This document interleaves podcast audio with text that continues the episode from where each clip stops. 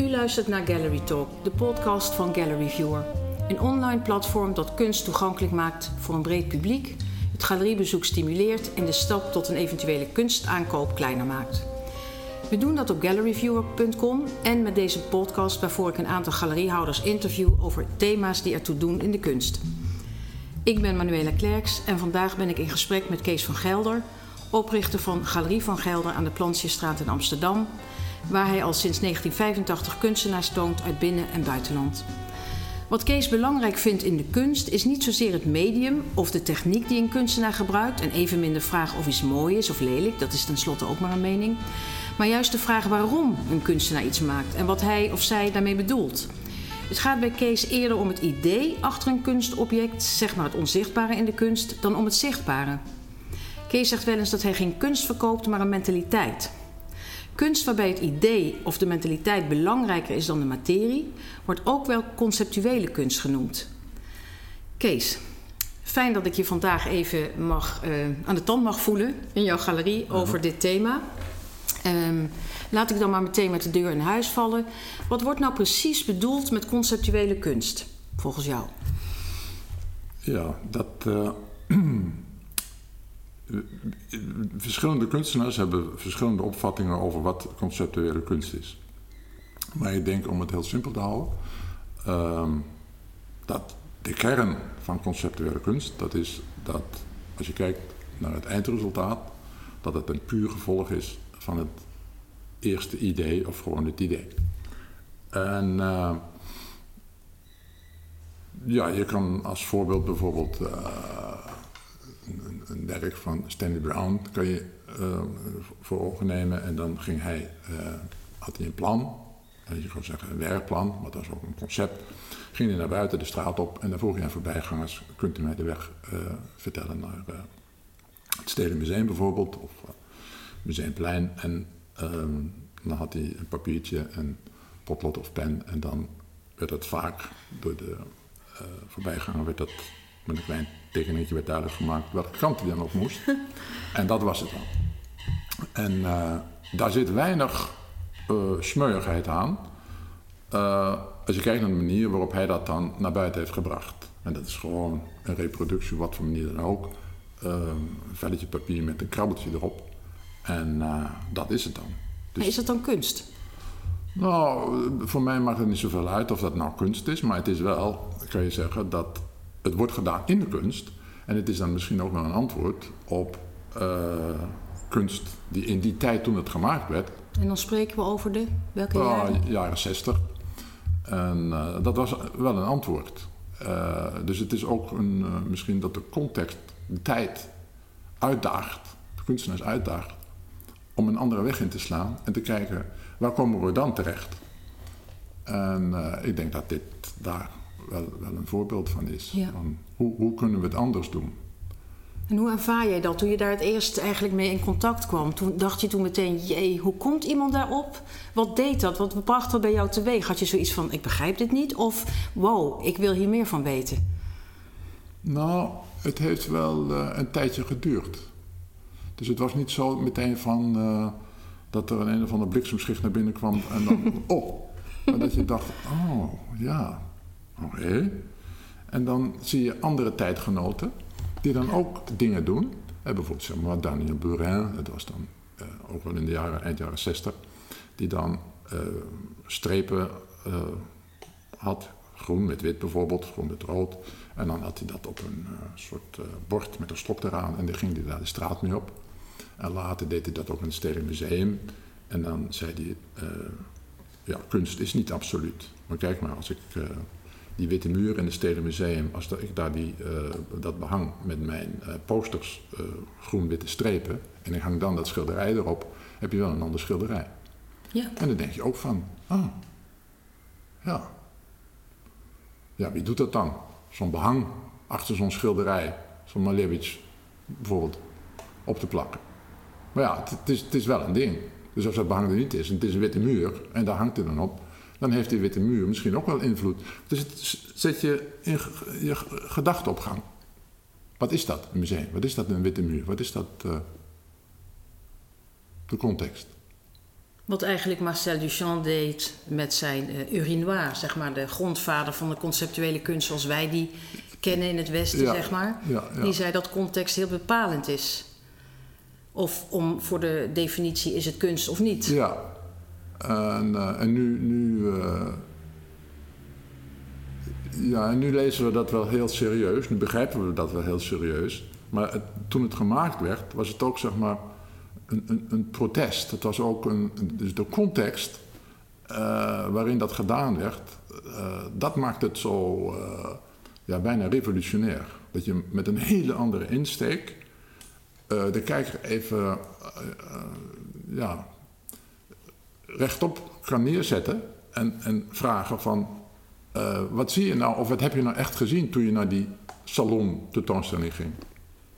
Dus het is ook uh, wat heel interessant is voor mij, dat in die context wordt er plots iets heel vreemds neergezet. En het mooie is dat de kunst, dat begrijp, begreep ik dan later, dat die, die ruimte heeft om dat te doen. Ja. Er zijn maar heel weinig domeinen in de samenleving waarin je dit kan doen, maar het wordt meteen afgemaakt. Dus je vindt eigenlijk dat dit soort kunst tilt je uh, eigenlijk uh, in de lucht, tilt je of haalt je uit de context van het gewone leven en laat iets meer zien dan wat we normaal in de waan van de dag tegenkomen of waar we mee Ja, je, je, er wordt het is een eye-opener. Het wordt je een spiegel voorgehouden en het is inderdaad, ik kan zeggen, een eye-opener. Dat je denkt, oh ja, zo kan je er ook naar kijken. Dus het biedt ruimte. Het neemt ruimte ja, en nieuwe het geeft perspectieven, ruimte. nieuwe invalshoeken, uh, een, een, nieuwe weg die, die uh, omdat je nieuwsgierig bent, ja, een beetje meegaat met de kunstenaars van, oh ja, wat is dat dan? Wat doet hij daar dan? Wat, wat, wat wil ze zeggen? Jouw kunstenaars die jij toont in de galerie zijn uh, vaak ook kunstenaars waarvan je op het eerste gezicht denkt: jee, wat zou hij of zij bedoelen? Als hier nou mensen bij jou in de galerie komen en die kijken met zo'n blik van: wat moet dit voorstellen? Ik begrijp het niet. En dan het gevoel hebben van: ik haak maar af, want dit is te moeilijk voor mij. Hoe benader jij hen dan om ze, om ze te enthousiasmeren of het gevoel te geven: nee, ook jij kunt kunst waarderen? Hoe doe je dat?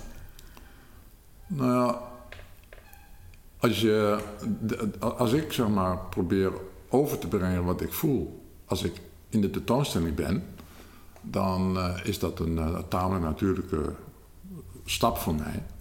Alleen de ander moet wel bereid zijn om daarin mee te gaan. Dus te luisteren of zich daarvoor open te stellen. Dus ik heb wel eens een tentoonstelling gehad van Christian Gutmussen. En dan had hij rechthoekige lijnen zo op uh, hele grote witte wanden gemaakt van potloodvullingen met verschillende diktes. Maar die zijn zo dun dat als je een witte ruimte binnenkomt en al die wanden zijn belegd met van die rechthoekige uh, dunne lijntjes, dan zie je die niet. En die zie je ook niet omdat je namelijk verwacht dat je iets ziet. Maar als je op 10, 20 meter afstand, zeg maar, je ziet ze wel in, in, in percepties in, maar ze, ze, het dringt niet door. Dus mensen zeggen dan: Oh, er is geen tentoonstelling.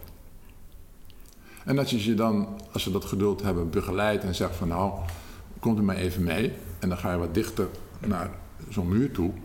En dan kijk, dit is een tekening, zij noemt ze zo drawings. Ja, dan, dan is het ook een confrontatie met jezelf.